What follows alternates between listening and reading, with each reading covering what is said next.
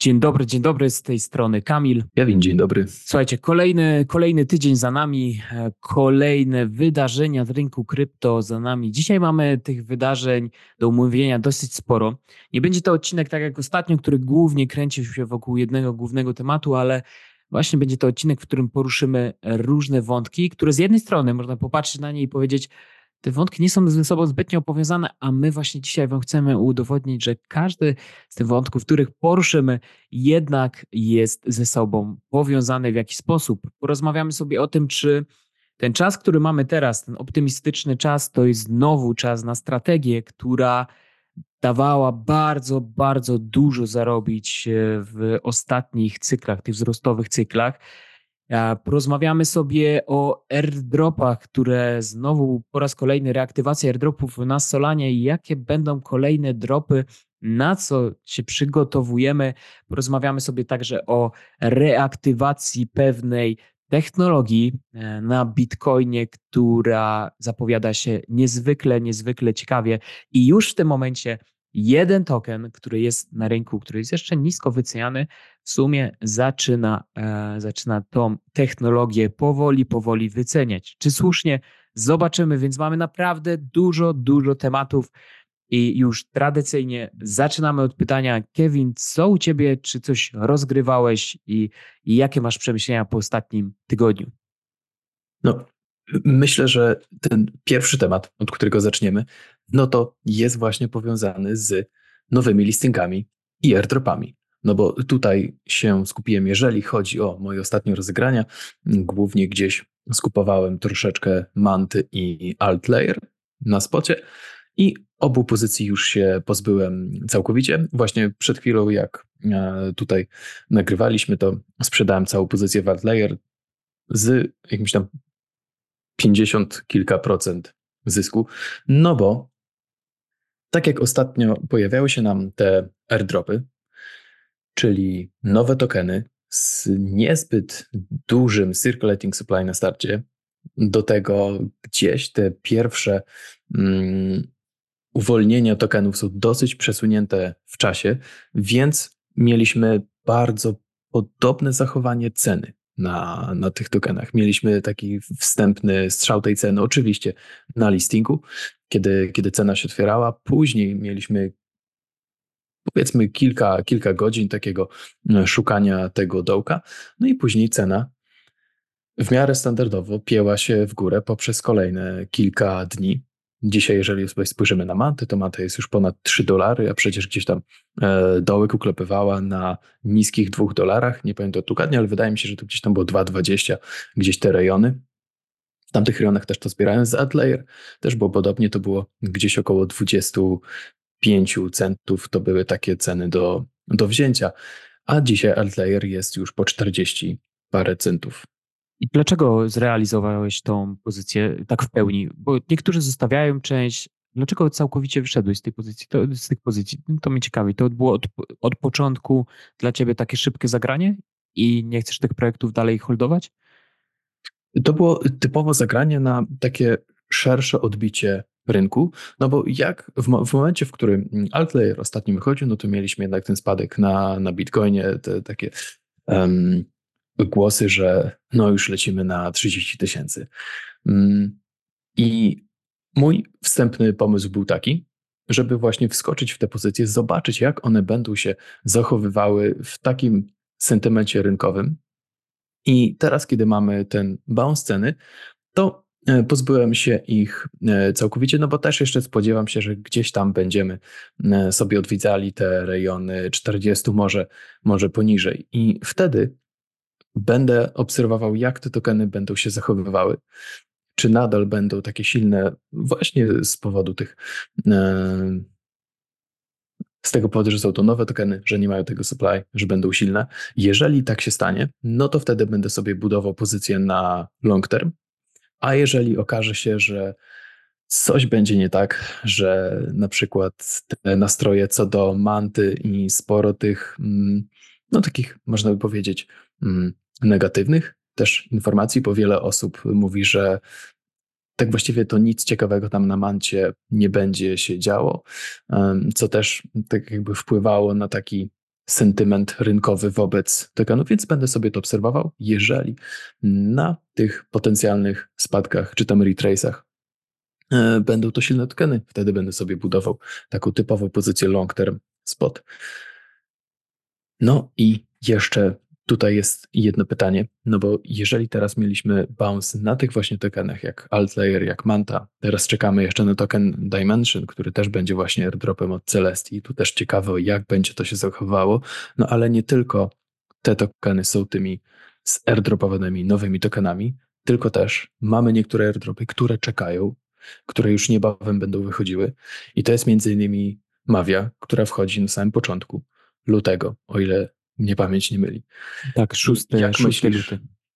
Jak myślisz, czy to podobnie będzie się zachowywało, czy może tam troszeczkę inaczej to będzie wyglądało? No i to jest, to jest ciekawe pytanie. Przede wszystkim uważam, że warto popatrzeć na to, dlaczego te tokeny, o których wspomniałeś, czyli Celestia, Altlayer, Manta, radziły sobie dobrze. Według mnie chodzi o podaż, czyli o to, ile nowych tokenów pojawia się na rynku, czy nowe tokeny pojawiają się na rynku i czy te tokeny już bezpośrednio w sobie mają wpisaną motywację do tego, żeby zwrócić cenę po, e, po kursie rynkowym. Jeżeli popatrzymy sobie na te wszystkie projekty, o których wspomniałeś, one miały zablokowaną podaż. I teraz wydaje mi się, że z Mavią będzie nieco inaczej. Mavia, przypominamy, jest grom, grom na telefony komórkowe przypominającą Clash of Clans i teraz e, już 6 lutego pojawi się token Mavia, który wszystko na to wskazuje, że wejdzie na Binance. I teraz, e, jeżeli ja byłbym osobą, która decydowałaby o tym, jak e, token ekonomia Mavi ma wyglądać, to jeżeli jest to gra, to bardzo mocno będzie im zależało na tym, żeby jak najwięcej graczy pojawiło się już na samym początku, żeby jak najwięcej graczy zaczęło grać. I teraz można to oczywiście zrobić przez, przez to, że stworzyłeś świetną grę, którą wszyscy chcą grać dla panu, ale można to, jesteśmy w krypto, czyli można to jeszcze dopalić i wrzucić nitro, czyli stworzyć tak token ekonomię, aby ona pomagała w tym w przyspieszeniu procesu onboardowania graczy. Więc wydaje mi się, że Mavia nie będzie miała zablokowanego, zablokowanej podaży. Raczej ta podaż będzie kierowana właśnie w stronę graczy, aktywnych graczy, którzy po prostu grając w grę dodatkowo będą jeszcze stymulowani e, nagrodami, ale to z drugiej strony znowu nie wyklucza kompletnie e, jakiejś bardzo dobrej wyceny na samym początku, bo nawet przypominając sobie sytuację z Axie Infinity, jeżeli wejdzie bardzo, bardzo mocna gra, która złapie dużą trakcję, to tego typu sytuacje, jak jakaś delikatna podaż dla graczy, mm, będą wręcz pozytywne, bo im więcej graczy, tym bardziej inwestorzy się będą interesować. Więc tutaj jest dużo jeszcze pytań, na które nie znamy odpowiedzi. Na pewno 6 luty jest bardzo ważną datą. Wszystko wskazuje, moje informacje też wskazują na to, że których się dowiedziałem, że Mavia może być ogromnym, ogromnym tytułem, który, którym po prostu e, po raz pierwszy gracze mają szansę się e, zakochać, więc duże wydarzenie przed nami. Już, e, już w sumie za nieco ponad tydzień, więc, więc to na pewno jest kolejny, kolejny projekt, który będę się przyglądał, jeżeli wejdzie na Binance i prawdopodobnie to będzie projekt, który będę chciał rozegrać, jeżeli właśnie ta podaż będzie odpowiednio przedstawiona.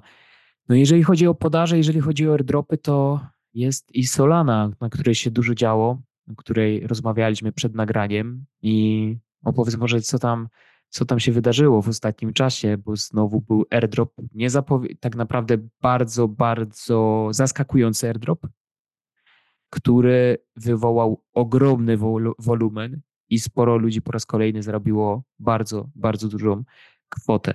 E, co to za, air, co to za airdrop i jak do tego podchodzisz, Kevin? No, airdropem, o, o którym tutaj mówisz, to jest airdrop tokenu e, WEN. E, mamy WEN, to jest e, ticker. No i e, był to airdrop dosyć niespodziewany, no bo e, okazało się, że był on zairdropowany do ogromnej ilości tokenów. Tam, o, ile, o ile pamiętam, to niemalże milion walletów było uprawnionych do odbioru, ale y, chyba poniżej 50% portfeli w ogóle odebrało ten, ten token, no bo też po części gdzieś tam stare wallety mogły być um, tak jakby eligible pod ten airdrop, więc też można sobie sprawdzić, czy może gdzieś tam na waszym portfelu nie, nie czeka mały airdrop tokena WEN. Nie był to duży airdrop e, dla większości, nie był to duży airdrop, no bo to było plus minus jakieś tam 80 dolarów.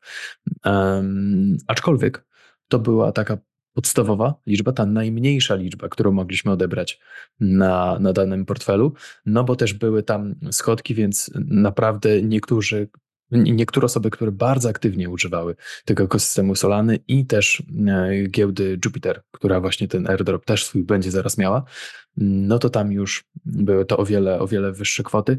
No i też trzeba wziąć pod uwagę, że jeżeli ktoś rozgrywa różne airdropy na Solanie, memcoiny na Solanie, no to też e, sporą ilością e, tych portfeli na ten airdrop się załapał. Więc tutaj mamy kolejny taki zastrzyk płynności dla tego ekosystemu. Solana znowu trochę odżyła. Znowu pojawiły się y, memcoiny naśladujące token WEN, no bo jeżeli mamy te nasze WEN, to pojawiły się też memcoiny typu SUN e, i e, jeszcze inne, których tickerów nie pamiętam, ale to były takie właśnie szybkie rakpule, tak jak sobie ostatnio o tym rozmawialiśmy, że takie nowe tokeny, które nie mają narracji, no to jednak dos dosyć szybko, dosyć szybko e, tam umierają. Aczkolwiek trzeba jeszcze przyznać, że w miarę jak wyczekujemy tego airdropa Jupiter, no to też trzeba sobie zadać pytanie, jak airdrop when się w to wpisuje. Czy to pomoże? Czy może jednak będzie troszeczkę przeszkadzało w tym wyczekiwaniu, bo można przedstawić argumenty i z jednej i z drugiej strony. Z jednej strony można spojrzeć, czy mamy jednak większą płynność, więc więcej rzeczy będzie można rozgrywać, większa płynność będzie dostępna przy airdropie Jupiter.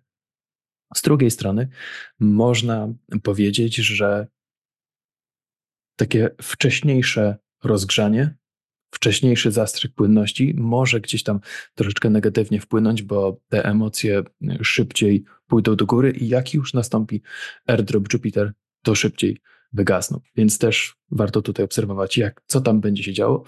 Mm, no i też, jak duży będzie to airdrop Jupiter na poszczególne konta. I nie wiem, czy ty, Kamil, masz jakieś przemyślenie a propos e, Jupiter i tego, jak on może właśnie wpłynąć na Solanę, no bo to też już dosyć niebawem, e, o ile dobrze pamiętam, w lutym się pojawi. Ja może bezpośrednio do, mm, do airdropu, do airdropów e, tych, o których wspomniałeś, nie mam przemyśleń, ale mam takie bardziej ogólne przemyślenie rynkowe. W 2017 roku, gdy pojawiła się ta bardzo duża hossa na altcoinach, tak naprawdę wszystko rosło w górę. To był szalony czas, bo czymkolwiek siedziałeś, to wystarczyło po prostu być cierpliwym i prędzej czy później twój token rósł w górę. To wtedy mieliśmy w sumie na całym rynku jakoś z 1400 tokenów. Wtedy jeszcze nie było deksów, nie było tworzenia w taki sposób, e, w taki sposób, w taki szybki sposób jakichś nowych tokenów, nie było puli płynności i tak dalej, dlatego tych tokenów było, było mniej. I pamiętam, że 2017 to był czas, w którym bardzo, bardzo dużo kapitału napłynęło w stosunkowo krótkim czasie. I przez to, że ten kapitał był taki duży, a nie mieliśmy jakoś bardzo dużo asetów, to wszystko rosło.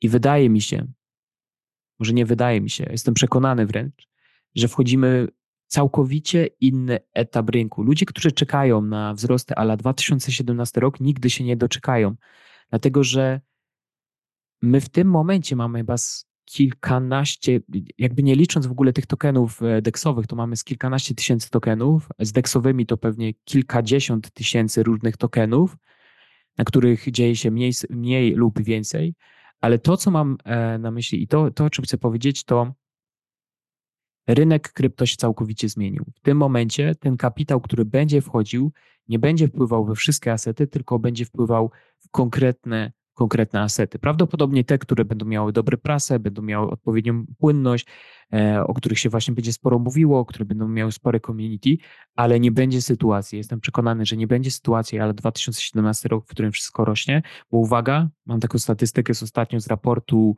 e, Chain Analysis, e, to tam pojawiła się informacja, że w najbliższym roku około 1300 nowych tokenów, zapowiedzianych nowych tokenów, czyli nie deksowych, tylko zapowiedzianych nowych tokenów projektów wejdzie na rynek. 1300. I teraz zastanówmy się nad tym, gdzie będzie płynność i jak ogromna płynność by musiała przyjść na rynek, aby te wszystkie tokeny mogły złapać jakiś poziom i nawet nie mówię rosnąć, ale utrzymać się na danym poziomie.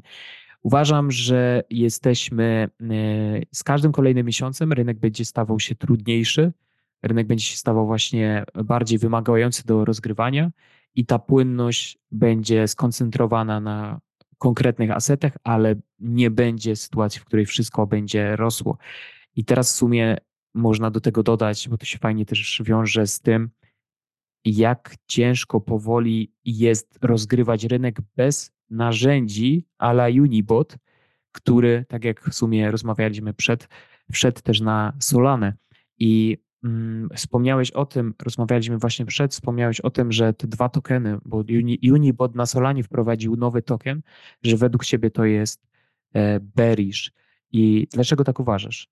To e, raczej takie historyczne nawiązanie, no bo jeżeli widzimy projekt, który, którego wstępna tokenomia opiera się na jednym tokenie, no to, no to jest yy, ok.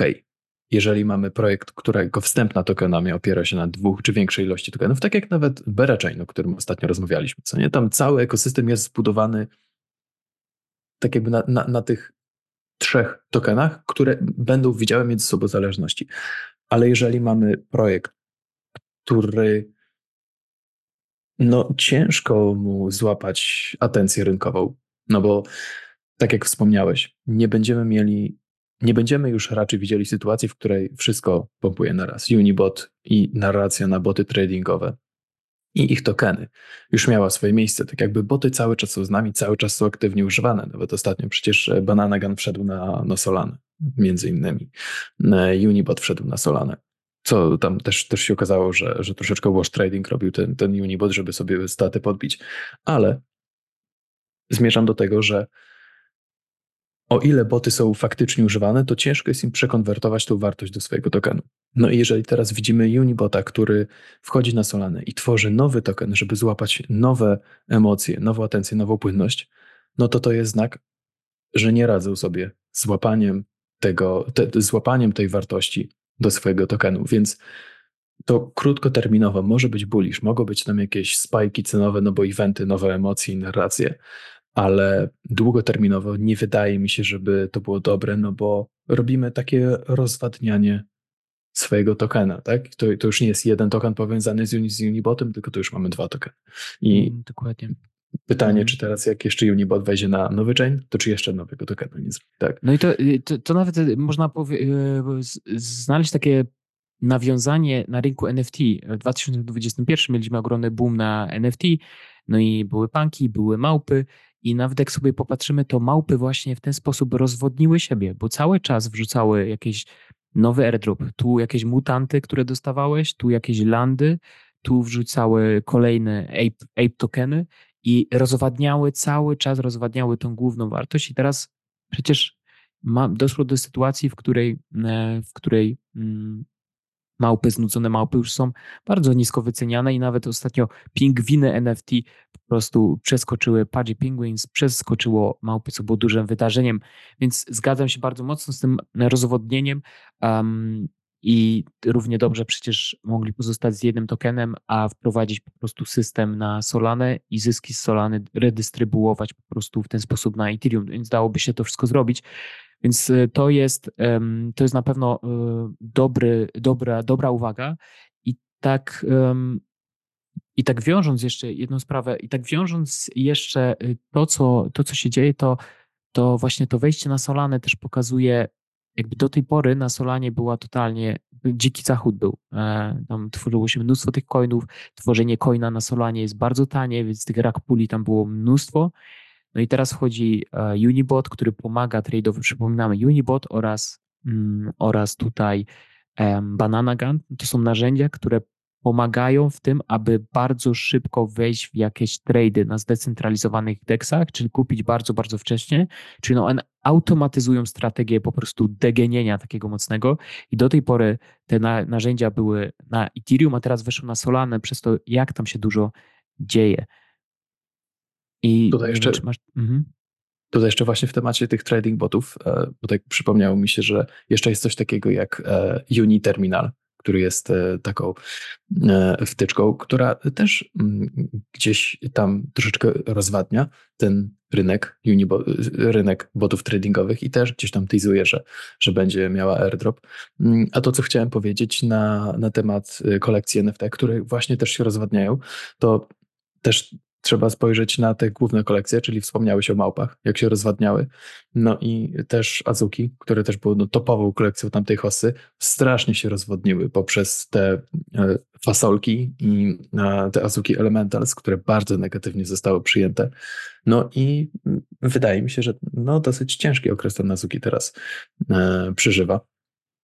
I tak jeszcze właśnie łącząc ten cały rynek NFT, gdzie mamy te właśnie topowe kolekcje z tamtej hossy, które są przebijane przez te kolekcje, które aż tak się nie rozwadniały, a troszeczkę tak jak właśnie Pudgy Penguins, bo e, tam co prawda jest e, te Lil Penguins, taka podkolekcja tego, ale e, troszeczkę inną wzięły strategię rozwoju, no bo przecież możemy kupić maskotki Pudgis w Walmartie e, i jeszcze mają taką je, większą ekspansję na świat Web2, też teasują, że gdzieś tam swój metaverse będą budowały, ale jest to budowanie ekosystemu, ale nie poprzez rozwadnianie i dodawanie nowych opcji. I jeszcze będąc w temacie NFT i w temacie airdropów, to e, też główny sklep NFT, główny marketplace NFT na, na Solanie, czyli Magic Eden, Ostatnio też zmienił swoją stronę, bo wcześniej mogliśmy zbierać takie diamenciki, coś jak cukierki na CoinGeeko czy diamenciki na CoinMarketCap. No i teraz Magic Eden będzie wprowadzał nowe misje, no bo wiąże się to z tym, że w... no właśnie zbliża się airdrop tokenu od Magic Eden, który, którego ticker najprawdopodobniej będzie NFT, czyli no, świetny ticker, można powiedzieć 10 na 10, e, ale pytanie, kiedy on się pojawi, no bo jest to już teasowane, że może gdzieś tam niebawem, ale wydaje mi się, że to jest raczej kwestia miesięcy, a nie, a nie tygodni. no bo sporo jeszcze tam, sporo jeszcze tam trzeba zrobić, jeżeli ta, nawet patrząc tak logicznie, jeżeli teraz nam startują misje na Magic Eden, no to one potrwają co najmniej tygodnie, żeby je wypełniać. Nie wspominając jeszcze o innych sprawach, które gdzieś za Magic Eden mogą się ciągnąć, które też raczej nie będą pomagały w tym, żeby ten token się pojawił. Ale jeżeli już się pojawi, to to też może być taki troszeczkę boost dla tego rynku NFT na Solanie. Ale właśnie o tych sprawach, które się ciągną, to e, tak jak zanim tutaj usiedliśmy do nagrywania, też wspominałeś właśnie o takiej sprawie, o której mało kto mówi, która jest związana z Magic Eden, a która może właśnie no, troszeczkę przeszkodzić w tym wprowadzaniu tego tokenu.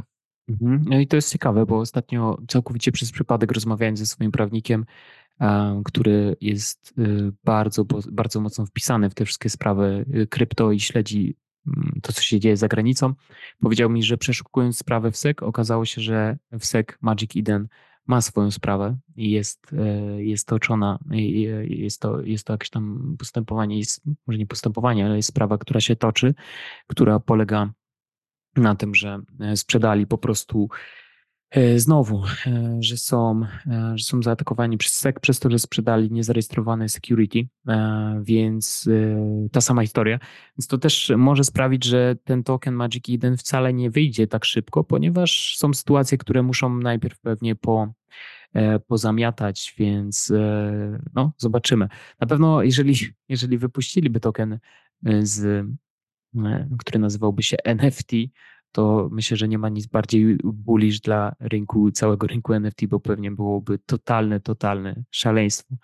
W sumie podsumowując to, o czym porozmawialiśmy do tej pory, to porozmawialiśmy sobie o, e, o listingach, o tym, że znowu listingi dają zarobić, o, to, że, o tym, że na Binance e, przede wszystkim te nowe coiny, które wchodzą, po prostu bardzo szybko dają zarabiać i, i ta strategia takiego wyczekania tego dołka, który bardzo często pojawia się po kilku godzinach i kupna na pierwszej pompie jest dosyć opłacalna. Porozmawialiśmy sobie o Mavi, porozmawialiśmy sobie także o tym, co airdropowo dzieje się na Solanie i jak, ta, jak te airdropy wpływają na to Solana i Solana znowu dobija do 100 dolarów, więc im więcej tych, e, tych airdropów, im więcej tej płynności, ta płynność koniec końców przechodzi na główny token, czyli, czyli na Solanę. Porozmawialiśmy sobie trochę o, o rynku, e, o rynku NFT, o tym, e, o tym, co się dzieje. No i myślę, że chciałbym w tym momencie też powiedzieć o takim temacie, który osobiście mnie mocno zaintrygował w tym tygodniu. Jestem też po przejrzeniu takiego prywatnego inwers inwestorskiego e, webinaru, call, tak można powiedzieć, takiej rozmowy, w którym właśnie założyciel tego projektu, o którym zaraz wspomnimy, o którym zaraz porozmawiamy, zaczął opowiadać o przyszłości i o roadmap na 2024 i okazało się, że te informacje, które padły na tym, na tym webinarze, były na tyle bycze, że nagle krypto Twitter sam się o tym rozpisał, bo prawdopodobnie ludzie zaczęli o tym gadać. I o czym tutaj mowa? Mowa o e, Sovereign, o pierwszym projekcie DeFi'owym na Bitcoina, który w 2019-2020 powstał. I tak naprawdę wtedy to był czas, w którym DeFi na Bitcoinie nie było aż tak e, chodliwym tematem, aż tak atrakcyjnym tematem, więc ten Sovereign, e, Sovereign miał tam oczywiście jakąś pierwszą pompę, ale tak naprawdę od tamtego czasu tylko, tylko spadał. No i wokół Sovereign i wokół założyciela Jago e, zaczęło się bardzo dużo mówić w tym tygodniu, ponieważ doszło do, e, z jednej strony doszło do tego kola inwestorskiego, w którym przedstawił plany na 2024, a z drugiej strony to jest ten temat, o którym rozmawialiśmy też sobie, Jago e, wszedł na Twitter Spaces projektu Satoshi e, Virtual Machine i w kilku tak naprawdę zdaniach technicznie rozłożył cały team założycielski Satoshi VM na, na łopatki, e, totalnie, totalnie na łopatki, że um, ludzie zaczęli zbierać po prostu z podłogi swoje szczęki. Po tym, co ciekawe, po tym Twitter Spaces cena Satoshi VM spadła o 70%, a taki TLDR tego, tego Twitter Spaces to Jago, czyli założyciel Sovereign, powiedział, że to, co Satoshi VM prezentuje, jest niemożliwe do stworzenia na Bitcoinie. Czyli po prostu im powiedział wprost, że się nie da. Tak jest. To pamiętam, tam było zadane pytanie, jakiego e, rodzaju właśnie rolapy chcecie zbudować i wymienił trzy, które mo, tak jakby teoretycznie, narracyjnie są budowane. Um, gość Satoshi wiem odpowiedział i ja go mówi, dobra, dziękuję, tyle wystarczy, to jest niemożliwe. I to był chyba najmocniejszy fragment tej rozmowy. Gość po prostu im wprost powiedział, że, że e, robią skam. E, tak, mm. tak, tak można było to, nie, nie padło takie określenie, ale no tak można to w pewnym sensie w pewnym sensie odebrać. Oczywiście później tym się e, bronił z tego.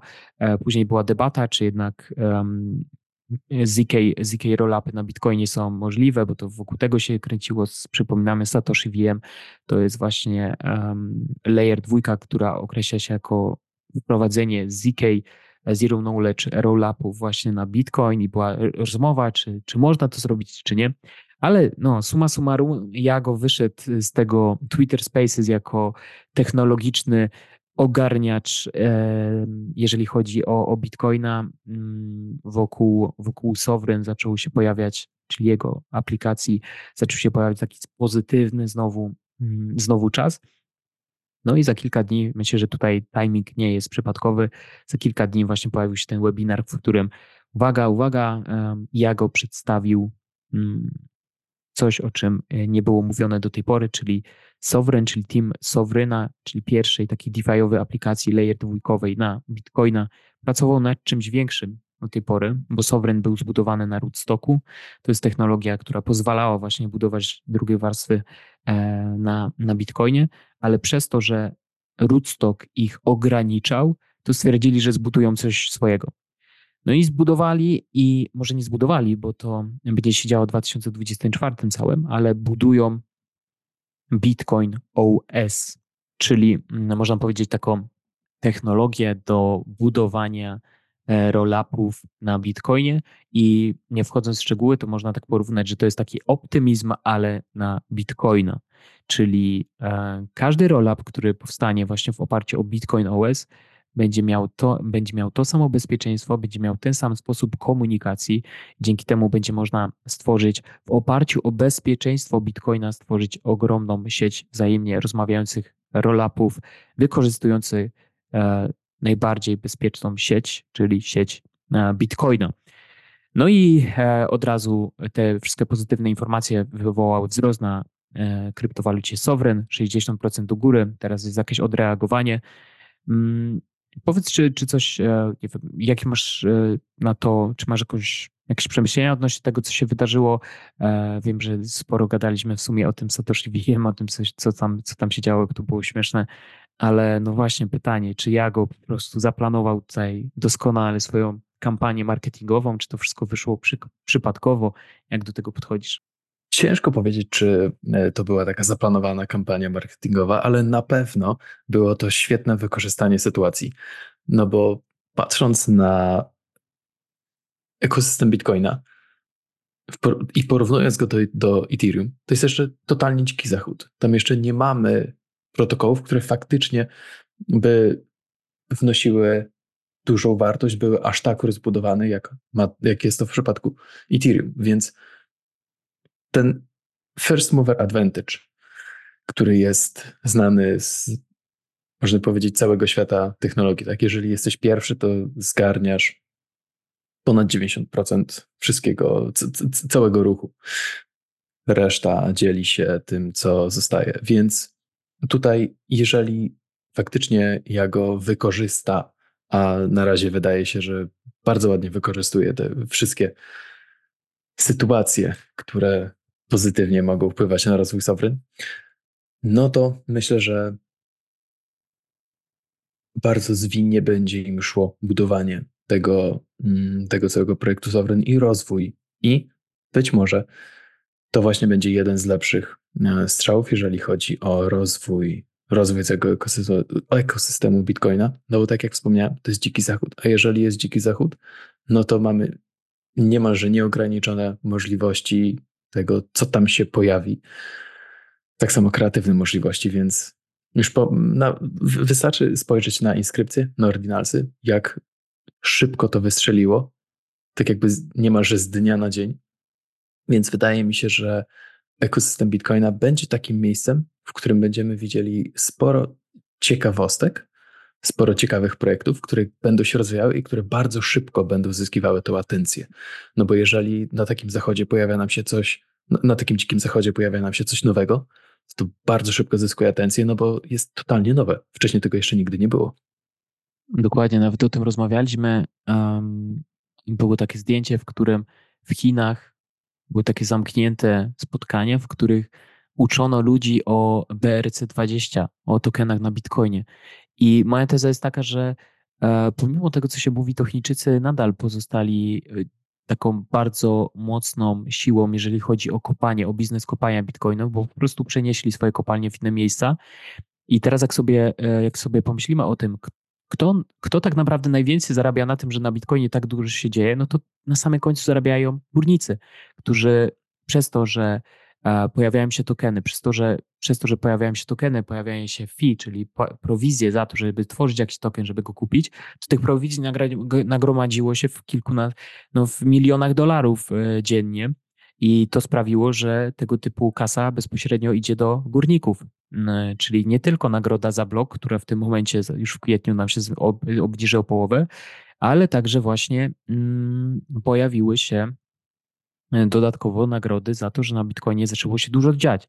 Więc górnicy mają bardzo duży biznes w tym, żeby ludzie zakochali się i zaczęli e, tutaj spekulować e, na Bitcoinie. Więc ja uważam, że w tym momencie oni już nie pozwolą na to, żeby to był trend, który wygaśnie, tylko infrastruktura, wszystkie rzeczy, które będą powstawać na Bitcoinie, po prostu będą wspierane. Może na, moja nawet teza jest taka, że memcoinami, które dadzą najwięcej zarobić, mogą być memcoiny takie jak Ordinals, Ordi lub SAC, które jest na Binance, z tego co pamiętam. Czyli to są tokeny zbudowane na Bitcoinie i przez to, że pojawił się ten trend na Bitcoin, no to teraz ludzie będą to kupować, a to jest w ogromnym, ogromnym biznesie e, wszystkich górników, żeby na Bitcoinie sporo, sporo się działo, więc e, no, bardzo, bardzo ciekawe.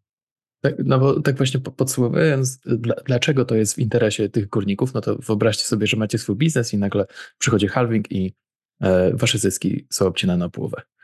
Tak jakby musicie zrobić, a, a, koszty pozostają te same, tak, żeby tą energię wydobyć, zakładając, że jeszcze nie rosną e, z, z wielu powodów.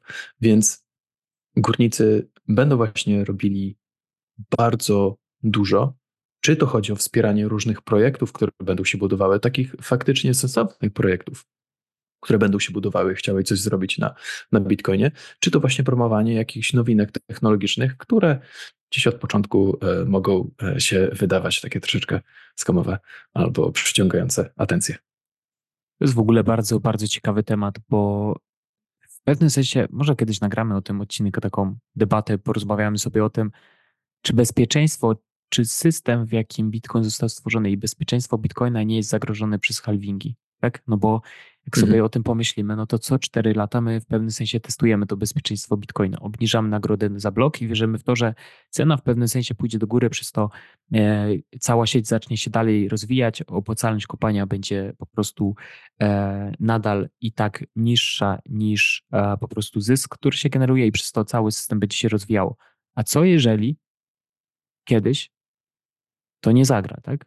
Mhm. Tutaj e, to jest w ogóle, to jest super ciekawy temat, no bo tak naprawdę po, cała aktywność na Bitcoinie, o której mówimy, która w ostatnim czasie się pojawiła na BRC20, Originals i tak dalej, wprowadziła swego rodzaju nowe fees, czyli opłaty, e, które, które są bezpośrednio dystrybuowane do, do górników, ale mimo wszystko to są niskie opłaty, bo tam milion dolarów czy dwa miliony dolarów, 24 godziny dodatkowej opłaty roz, rozdzielone na wszystkich górników, no to to nie jest dużo. E, więc e, tak naprawdę już teraz widziałem, że po halvingu ta cena taka, e, po której większość takich kopalni w Stanach Zjednoczonych, które się będzie opłacało lub nie, to jest około 40 tysięcy dolarów. Więc to naprawdę to, to są bardzo, bardzo ciekawe tematy, takie fundamentalne tematy, o których warto rozmawiać, bo, um, bo w pewnym sensie to bezpieczeństwo Bitcoina długoterminowo, Bitcoin cały czas musiałby rosnąć w górę w pewnym sensie, tak można powiedzieć. Mhm. Tu też y, taka właśnie ciekawostka propos górników, bo tak jak czytałem, to w sumie już nie było rok temu, jak e, czytałem raporty takie roczne tych największych giełd i, i funduszy, no to było tam powiedziane. Właśnie była wzmianka o górnikach, która mówiła, że górnicy bitcoinowi często wykorzystują te źródła energii, których nikt inny nie chce. Tutaj y, nie, nie przypomnę sobie, co to faktycznie było za źródło, bo to było dosyć, nietypowe źródło energii, ale y, ta narracja, że kopanie bitcoin jest bardzo nie eco-friendly i tak dalej, no y, różnie można na to spojrzeć, bo właśnie górnicy starają się wykorzystywać jak najlepsze źródła energii, no bo to jest w ich, biznesie. Im tańszą energię i im lepszą energię mm, e, znajdą, tym więcej zarobią.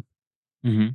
To jest w ogóle, to jest też ciekawy, kolejny ciekawy temat, czyli wykorzystywanie nadwyżek, generowanych nadwyżek energii do kupania bitcoina jak mhm. bardzo to może um, tak naprawdę usprawdzić biznes i zoptymalizować biznes. To jest ogromny, ogromny rynek, który też Bitcoin w pewnym sensie mógłby wykorzystać do tego, żeby zdobyć jeszcze większą e, moc obliczeniową, jeszcze większą adopcję. Więc y, no, mm, na pewno, czy ty, y, Kevinie, mój drogi, jesteś e, bullish na BRC20, na Originals, na wszystko to, co się dzieje na Bitcoinie, na infrastrukturę, czy raczej uważasz, że pik tego hypu już mamy za sobą? O, tak zadam pytanie.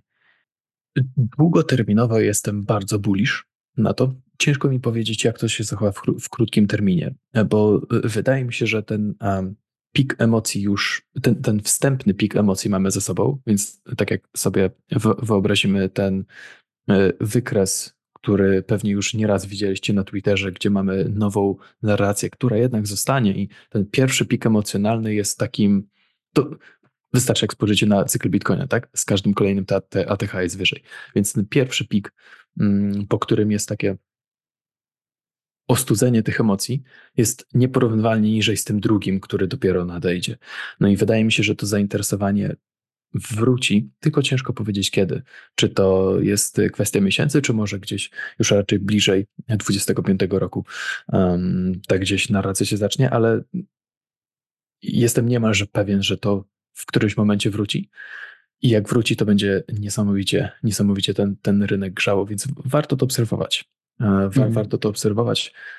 Czy już budować pozycję tutaj właśnie ciężko mi powiedzieć, bo ciężko jest stwierdzić, w jakim momencie tego ostudzenia tych emocji jesteśmy.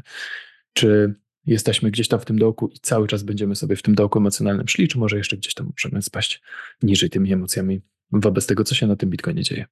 Mhm. No i to jest, y, to jest bardzo. Mm, ty, ty, też zgadzam się z tym, że w pewnym sensie te, te pierwszy, pierwszy boom już mamy za sobą, ale uważam, że nadal mimo wszystko wejście w ten świat jest dosyć trudne, że e, jeszcze pod względem takiego user experience to jest trudne, więc jeżeli a już pojawiają się jakieś e, rozwiązania typu OrdiSwap, taki Uniswap dla, e, dla, dla tych rozwiązań bitcoinowych, więc jeżeli infrastruktura się rozwinie i ten dostęp do tego będzie jeszcze większy, to jestem przekonany, że, że, tam, że tam mnóstwo kapitału po prostu wpłynie.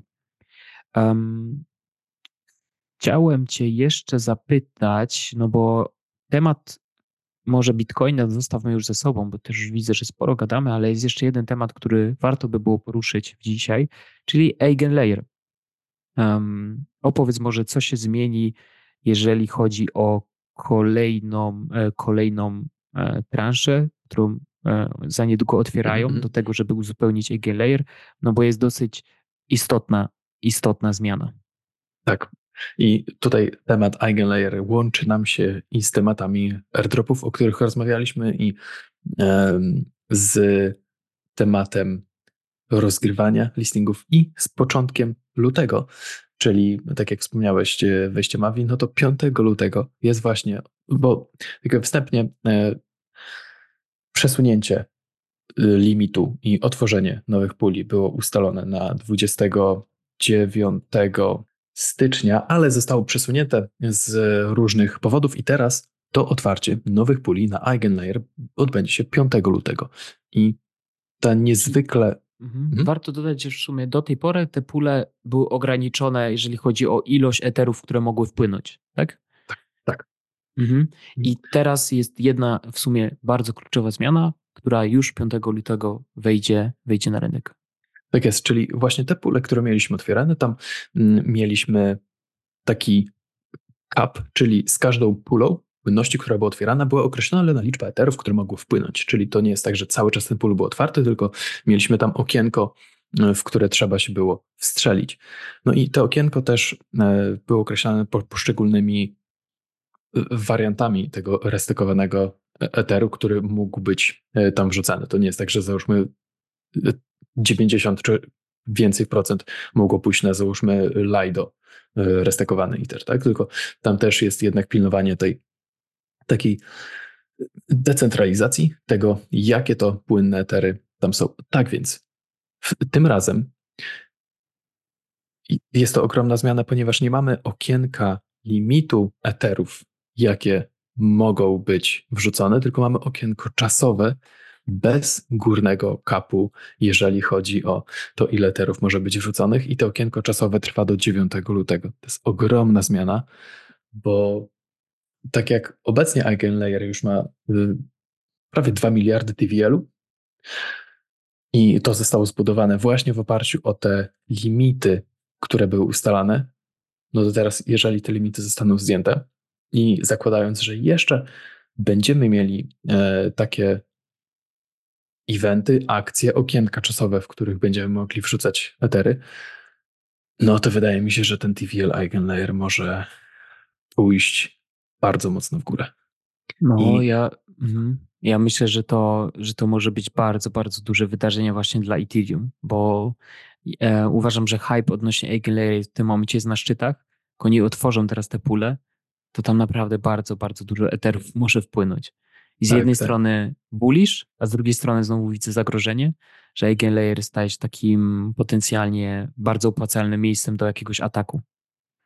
Mhm, mhm. Tak, to prawda. Tu, tu, jeszcze właśnie o tym opłacalnym miejscu do ataku porozmawiamy, mm, ale też y, jeżeli chodzi o ten pik zainteresowania na Eigenlayer, no to y, y, dlaczego te etery miałyby tam, miałyby tam wpływać? No, przede wszystkim farmienie airdropu Eigenlayer. Druga sprawa to zwiększanie jakby yieldu na naszym Etherze, co tak jakby teraz jeszcze mamy jednak ten, ten stały yield i zamiast tego dodatkowego sobie zbieramy te Eigenlayer Points, ale w przyszłości będzie to jednak zwiększony yield poprzez te różne aplikacje, które na tym ekosystemie będą, będą budowane. Ale o tym też zaraz. No bo jest jeszcze jedna rzecz, do której warto te e, nasze etery tam wrzucić, czyli to jest farmienie airdropu, ale nie tylko Eigenlayer, tylko powoli już zauważamy, że, że użytkownicy Eigenlayer, osoby, które restakują poprzez Eigenlayer, są uprawnieni do odbierania innych airdropów, między innymi byli uprawnieni do odbioru airdropu AltLayer i przy AltLayer procentowo, jeżeli chodzi o rozkład airdropu, to restakerzy od Eigenlayer dostali więcej procentowo wstępnej alokacji niż stakerzy Celestii, bo przy Celestii to było plus minus 10%, natomiast y, przy Eigenlayer to było 12 y, y, z hakiem, o ile dobrze pamiętam, około 13%. Więc nie jest to duża różnica, no ale jednak jakiś trend nam się rysuje. I to pytanie właśnie, czy, czy nie zobaczymy kolejnych protokołów zaraz, które też będą mm, tak jakby widziały ten incentive żeby zostawić troszeczkę wstępnej alokacji dla restakerów Eigenlayer, żeby bardziej to zainteresować, już nie wspominając o tych aplikacjach, które będą się budowały na Eigenlayer, na całym ekosystemie Eigenlayer, no bo tam te airdropy będą y, raczej pewne. Mm.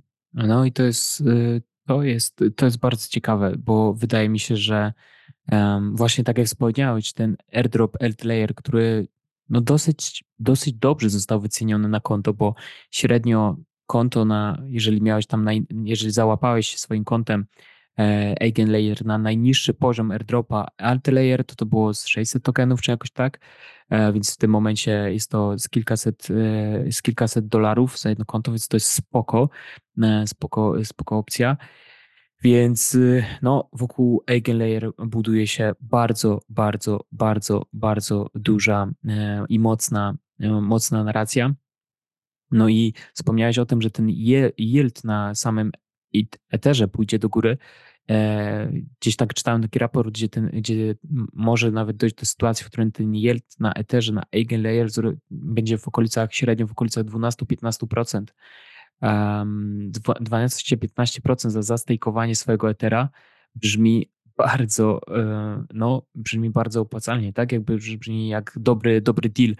Więc tutaj też od razu pojawia się ryzyko takie, że mm, Ether zastejkowany w Eigenlayer i te, ten yield, który będzie możliwy do uzyskania w Eigenlayer będzie tak duży i będzie taka różnica pomiędzy takim natywnym stakeowaniem, że bezpieczeństwo Ethereum przez to może być w pewien sposób zagrożone, tak? No bo przypomnijmy, że Eigenlayer działa tak, Eigenlayer jest w ogóle aplikacją, która działa tak, że my możemy wypożyczyć bezpieczeństwo, które normalnie e, zabezpiecza tylko Ethereum, możemy wypożyczyć to bezpieczeństwo od tego, aby inne aplikacje zbudowały e, swoje rozwiązania właśnie wykorzystując bezpieczeństwo Ethereum i dzięki temu one płacą za to bezpieczeństwo w formie na przykład tokenów. Dlatego ty jako stejkujący w Eigenlayer zarabiasz tokeny z tych wszystkich aplikacji, które się będą budować właśnie w oparciu o Eigenlayer. Więc tutaj jest e, dużo takiej atrakcyjności w tym rozwiązaniu, ale bardzo dużo też zagrożeń, o których Vitalik, Vitalik też wspomina.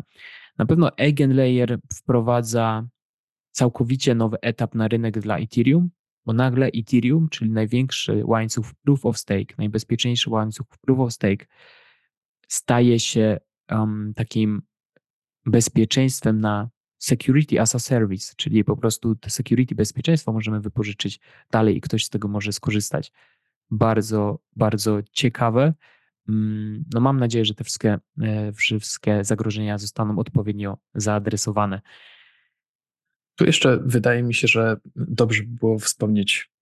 o tym, no bo tak właśnie mówimy, że bardzo, nagle bardzo dużo terów może napłynąć do Eigenlayer i trzeba zadać sobie takie pytanie, czy jest jakiś limit, e, do którego Eigenlayer może urosnąć? No bo obecnie to, tak jak wspomnieliśmy, są prawie 2 miliardy, a jeżeli to się będzie cały czas zwiększało, no to w pewnym momencie Eigenlayer może urosnąć do przeogromnych rozmiarów, może być tak, największym ekosystemem w ogóle w krypto, jeżeli chodzi o TVL. Takim, tam nic nie stoi na przeszkodzie, jeżeli faktycznie ten incentive będzie dobrze rozegrane. No bo też Eigenlayer samo jest protokołem, tym oferującym restaking, ale tak jak wspomnieliśmy, będą się pojawiały te nowe aplikacje. I na przykład AltLayer to nie jest stricte aplikacja zbudowana na Eigenlayer, ale jest po połączona w pewien sposób. No bo AltLayer jest infrastrukturalnym projektem, który oferuje jakby e, rollup as a service, czyli używając sobie Eigenlayer możesz sobie łatwo postawić swój rollup. No ale problem jest taki, że możesz sobie postawić ten rollup, ale jeszcze trzeba mu zapewnić security, stackerów i, i tak dalej. No. I tą drugą właśnie, no bo to zakładając, że jeżeli jesteś jakąś scentralizowaną jednostką, scentralizowanym podmiotem, no to gdzieś ten kapitał ogarniesz, sfinansowania i tak dalej, no i mniej więcej te security sobie zbudujesz. Ale to, co oferuje Altlayer z drugiej strony, to jest restaked rollup as a service, czyli zbudowanie właśnie takiego rollupu, tylko że dodajemy do tego te wypożyczone security właśnie z restakeowanego Ethereum, czyli w skrócie możemy sobie stworzyć własny łańcuch, własny blockchain, gdzie, który już jest zabezpieczony Ethereum i jedyne na czym musimy się skupić, no to na przyciągnięciu użytkowników i budaniu, budowaniu jakiegoś utility. Więc to są właśnie te powiązania z Eigenlayer, które będą tworzyły ten ekosystem troszeczkę nawet na, na, na obrzeżach, tak? No bo tak jak wspomniałem, to nie jest stricte aplikacja zbudowana na Eigenlayer, ale jeżeli chodzi o te projekty, które na Eigenlayer będą zbudowane, to właśnie będą te aplikacje, które będą korzystały z tego shared security i oferowały to shared security, czyli um, to bezpieczeństwo Ethereum wszystkim i userom, którzy będą z tego korzystali, i restakerom, którzy będą te tokeny od tych nowych aplikacji zyskiwali. No bo tak jak wspomniałeś, mamy Eigenlayer, mamy yield, który zarabiamy z Eigenlayer i taki podstawowy i ten dodatkowy yield będzie w formie właśnie tych tokenów z różnych protokołów, które będą.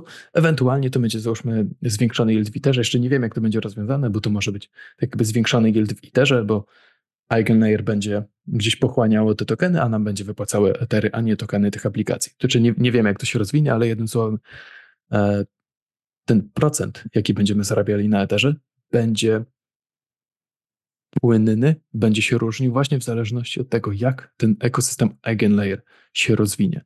No bo to też jest w pewnym sensie dziki zachód, tak jak w przypadku Bitcoina. No bo tam dopiero pierwsze aplikacje się pojawiają, tak jak EigenPy to jest pierwsza aplikacja, która, która gdzieś e, wpadła mi w oko ostatnio na, na Twitterze, no i kolejne będą się pojawiały.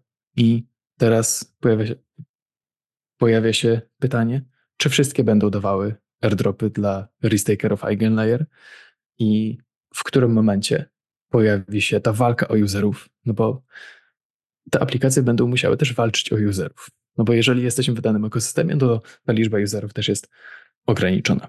No bo jest ograniczona ilość utility, jaką możemy zaoferować. Tak? Załóżmy, będziemy mieli jakiś główny DEX, jakieś główne inne aplikacje, cokolwiek, no i one będą o tych userów walczyły. No a żeby walczyć o userów, to też będzie ta walka o liquidity, czyli o płynność, z Eigenlayer, czyli też gdzieś tam będzie oferowanie tego wyższego yieldu. Dlaczego to ta aplikacja powinna e, być w większej mierze, e, tak jakby powinna mieć dostęp do większej płynności z Eigenlayer, a nie jakaś inna, więc tam też wydaje mi się, zobaczymy takie te wojny o płynność, wojny o userów i to też będzie bardzo dużo okazji do łapania. Ja jestem, jakby to, to wszystko wskazuje na to, że Eigenlayer według mnie będzie największą premierą, największym listingiem tego roku. Um, I myślę, że Eigenlayer wejdzie od razu na pełnej waluacji gdzieś w okolicach kilkunastu miliardów dolarów. Bardzo, bardzo, bardzo, bardzo duży, e, duży to będzie, to będzie launch, tak myślę. E, więc e, no, czeka nas niesamowicie, niesamowicie dużo, bo tu, tutaj w ogóle jest kolejny temat jeszcze tych aplikacji restakingowych, czyli aplikacji, które które tak naprawdę mają za zadanie zarządzanie tym bezpieczeństwem w jak najbardziej optymalny sposób. Więc będzie rywalizacja pomiędzy aplikacjami restakingowymi, które będą zarządzały tym bezpieczeństwem tak, aby wykręcić jak największy yield, aby to bezpieczeństwo kierować na, na, jak najlepsze projekty, które starają się to bezpieczeństwo. Tych warstw tutaj i tego, jak to jest ogromny ekosystem, będzie mnóstwo. Tutaj taka krótka, e, krótka zajawka. Na pewno o tym porozmawiamy właśnie w poniedziałek na e, webinarze, dla, specjalnym webinarze dla, dla ludzi z o krok przed rynkiem. Mamy w planach właśnie porozmawiać o tym przyszłości Ethereum z, ze specjalnym, właśnie ze specjalnym gościem, e, który całą, który zjadł zęby, jeżeli chodzi o Ethereum i zjadł zęby, jeżeli chodzi o zrozumienie Eigenlayer, więc tutaj porozmawiamy sobie już w ten poniedziałek o tym. I myślę, drogi Kevinie, nie wiem, czy chcesz coś jeszcze dodać, ale czas nas tutaj mocno goni. Myślę, że poruszyliśmy mnóstwo ciekawych, e, ciekawych tematów. Mm, no ale właśnie, czy masz coś jeszcze? I jeżeli nie masz, to odpowiedz mi na bardzo ważne pytanie, na co jesteś bullish w tym tygodniu? E, w, w tym tygodniu Mm, to jest bardzo dobre pytanie z tym bullish w tym tygodniu. Ja raczej bym powiedział na kolejny tydzień no i właśnie na te otwarcie kapów na Eigenlayer. To jest coś, na co czekam. To będzie 5 e, lutego, czyli już w poniedziałek, więc na to jestem najbardziej bullish. A ta jedna rzecz, którą jeszcze chciałem dodać, to może w formie ciekawostki. Przede wszystkim niekoniecznie czegoś, co warto brać na serio, um, ale kilka miesięcy, w sumie troszeczkę dalej niż kilka miesięcy temu, bo mniej więcej w połowie 2023 roku, tak jak na Forczanie różne gdzieś tam przecieki się rzekomo pojawiają, to e, Twitter obiegł taki screen, mm, gdzie jakaś osoba powiedziała, że y, Insight Info, które gdzieś tam może na tą zbliżającą się hossę powiedzieć, to jest to, żeby najpierw załadować się Arbitrum, a później właśnie z Arbitrum przeskoczyć do Eigenlayer, jak już pojawi się token. I to było mniej więcej gdzieś chyba w pierwszej połowie 2023 roku, gdzie Eigenlayer jeszcze, no, tam raczkowało, jeżeli e, tutaj powiemy o to, co oni mieli i ten hype, jaki, e, tak jakby brak hype'u, bo jeszcze wtedy nie było tego hype'u na Eigenlayer. Więc to raczej taka ciekawostka. No ciekawe, czasami te forczanowe rady okazują się bardzo, bardzo dobrymi radami finansowymi. Zobaczymy, czy tak będzie w tym roku. No, w tym momencie mm, chciałbym Wam już dzisiaj podziękować. Chcielibyśmy Wam podziękować za, za uwagę. Dzięki za kolejny odcinek, za to, że byliście z nami. Pamiętajcie, aby nakarmić tutaj algorytm i zostawić pięć gwiazdek gdziekolwiek tego y, słuchacie, bo zawsze nam to y, po prostu pomaga w dotarciu, jeszcze szerszym dotarciu i szerzenia dobrej nowiny o rynku krypto. Dziękuję Ci bardzo, Kevin, za dzisiaj. No i co? Do usłyszenia, do zobaczenia w najbliższym czasie. Ja również bardzo dziękuję i do usłyszenia. Hej, hej.